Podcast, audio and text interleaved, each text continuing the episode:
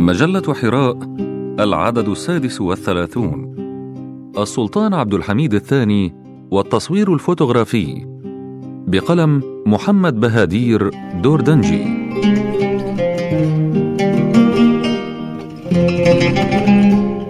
إبان القرن الثامن عشر تم الشروع ولأول مرة في كلية هندسة الدفاع البري السلطانية بتدريس الرسم من أجل التعرف إلى الصور الثلاثية الأبعاد على النمط الغربي.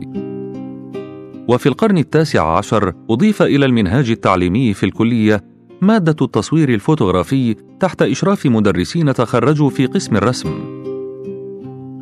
حيث تم التقاط بعض الصور الموجودة في ألبومات الصور العثمانية ولا سيما ألبومات يلدز من طلاب خريجي كلية هندسة الدفاع البري السلطانية.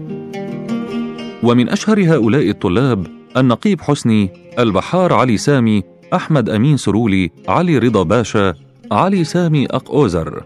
ومما يستحق الإشادة به أن السلطان عبد الحميد الثاني حث بنفسه على التصوير الفوتوغرافي في الدولة العثمانية حيث كان التصوير العنصر الرئيس الذي يعكس حالة البلاد خارج القصر لا سيما عندما كانت الدولة في حالة من الانحطاط والضعف. تلك الصور سهلت للسلطان معرفة الأحوال ضمن الأراضي العثمانية التي تمتد من مصر إلى دول البلقان ومن الحجاز إلى بلاد القفقاز.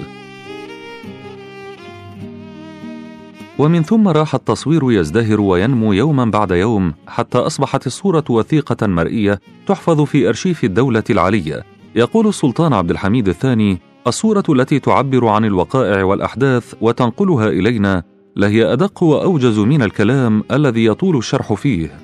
ولعل هذا يبين لنا موقف السلطان عبد الحميد الثاني من الصورة والتصوير. تقويم الأشخاص عن طريق الصور. يروى أن السلطان عبد الحميد الثاني كان يحلل الأشخاص من خلال الصور. ويقال إنه بعد مضي خمس وعشرين سنة من تربعه على العرش طلب من موظفيه أن يلتقطوا صور السجناء ويسجلوا تحت كل صورة جرائمهم وأسباب دخولهم السجن وتم هذا فعلا. فأخذ السلطان يحلل شخصياتهم من خلال هذه الصور ثم عفى عن بعض هؤلاء وأصدر امرا بإطلاق سراحهم. ويقال إنه انتقى الطلاب الذين يستحقون التسجيل في المدارس العسكرية عن طريق الصور كذلك. وينقل إلينا الطبيب حسين عاطف بيك الطبيب الخاص للسلطان عبد الحميد الثاني في مذكراته. كيف كان السلطان عبد الحميد؟ يحلل من الصور هوية السجناء ويبدي رأيه حول قابليتهم للجريمة بالتنبيه إلى طول أصابعهم. فيقول عاطف أفندي أنهى السلطان حديثه عن الجريمة والمجرم. قائلا قرأت ترجمة كتاب إنجليزي حول الجرائم لأن لي فضولا حول قراءة الوقائع الجنائية. فقد ذكر في الجزء الأخير من هذا الكتاب أن رأس إبهام أغلبية القتلة طويل جدا ويتجاوز العقدة الوسطى من السبابة وأن يدي القاتل تشبه مخالب الحيوانات الوحشية فدفعني الفضول إلى أن آمر بجمع صور السجناء كلهم. وفعلا رأيت أن أصابع هؤلاء طويلة كما قيل في الكتاب ولكن هيئة يد كل واحد منهم كانت مختلفة عن الآخر وحكى لنا السلطان أنه كان يقبض على المجرمين في أوروبا أحيانا عن طريق الصور كذلك. اذا فقد استخدم السلطان عبد الحميد طريقة قراءة الصور في تحليل الأشخاص وعفى عن بعض السجناء من خلال تقويمه لصورهم في ذكرى الجلوس الخامس والعشرين على العرش.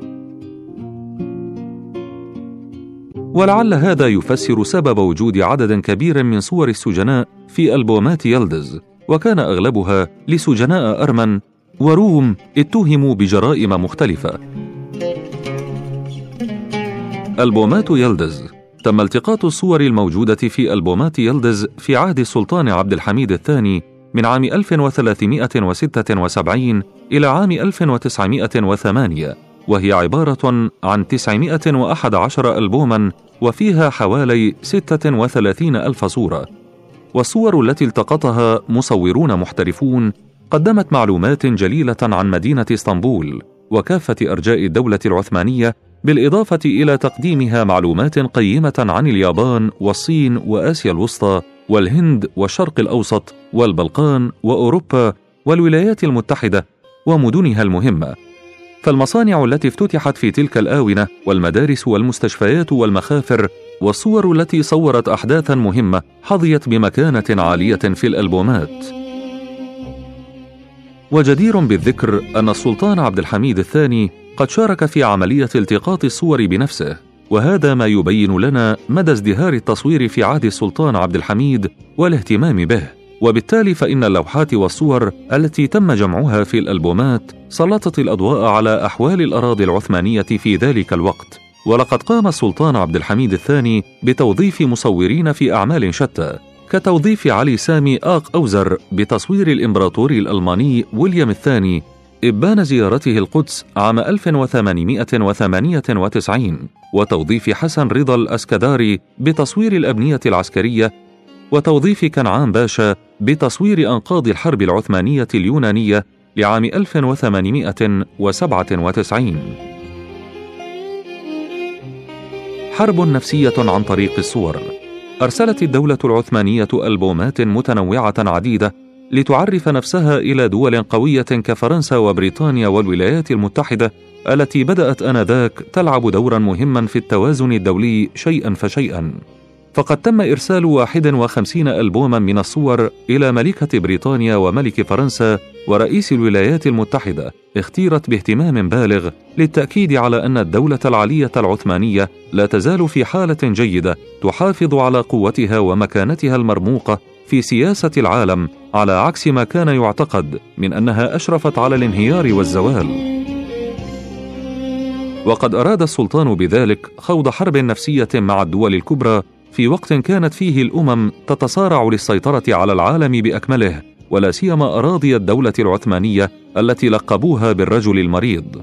واللافت للنظر أن الألبومات التي أرسلت إلى خارج البلاد تميزت بمقاييسها الضخمة حيث تألفت من خمسين صفحة بينما كانت عادة تتألف من 12 إلى 20 صفحة داخل الدولة العثمانية. كما تمت كتابة الحواشي على بعض هذه الألبومات المرسلة باللغة الفرنسية وبعضها الآخر بلغات أجنبية أخرى. ولقد تميزت هذه الألبومات بأغلفتها المزخرفة من أوسمة وخطوط لتزيين الحواشي وطغراء السلاطين والعلم العثماني وشعار الدولة العثمانية. لم ترسل هذه الألبومات إلى رؤساء الدول فحسب بل أرسلت كذلك إلى المتحف البريطاني في لندن ومكتبة الكونغرس في واشنطن. أما الألبومات التي تم إهداؤها إلى المتحف البريطاني عام 1894 فقد كان 17 منها يتضمن مناظر طبيعية خلابة وآثارا تاريخية بديعة تعود إلى مناطق عديدة داخل الأراضي العثمانية وسبعة عشر أخرى تتضمن صور وحدات عسكرية عثمانية برية وبحرية وخمسة عشر أخرى تصور فعاليات طلبة المدارس العسكرية والمدنية واثنان منها تعود إلى صور الخيول التي يتم ترويضها في القصر العثماني.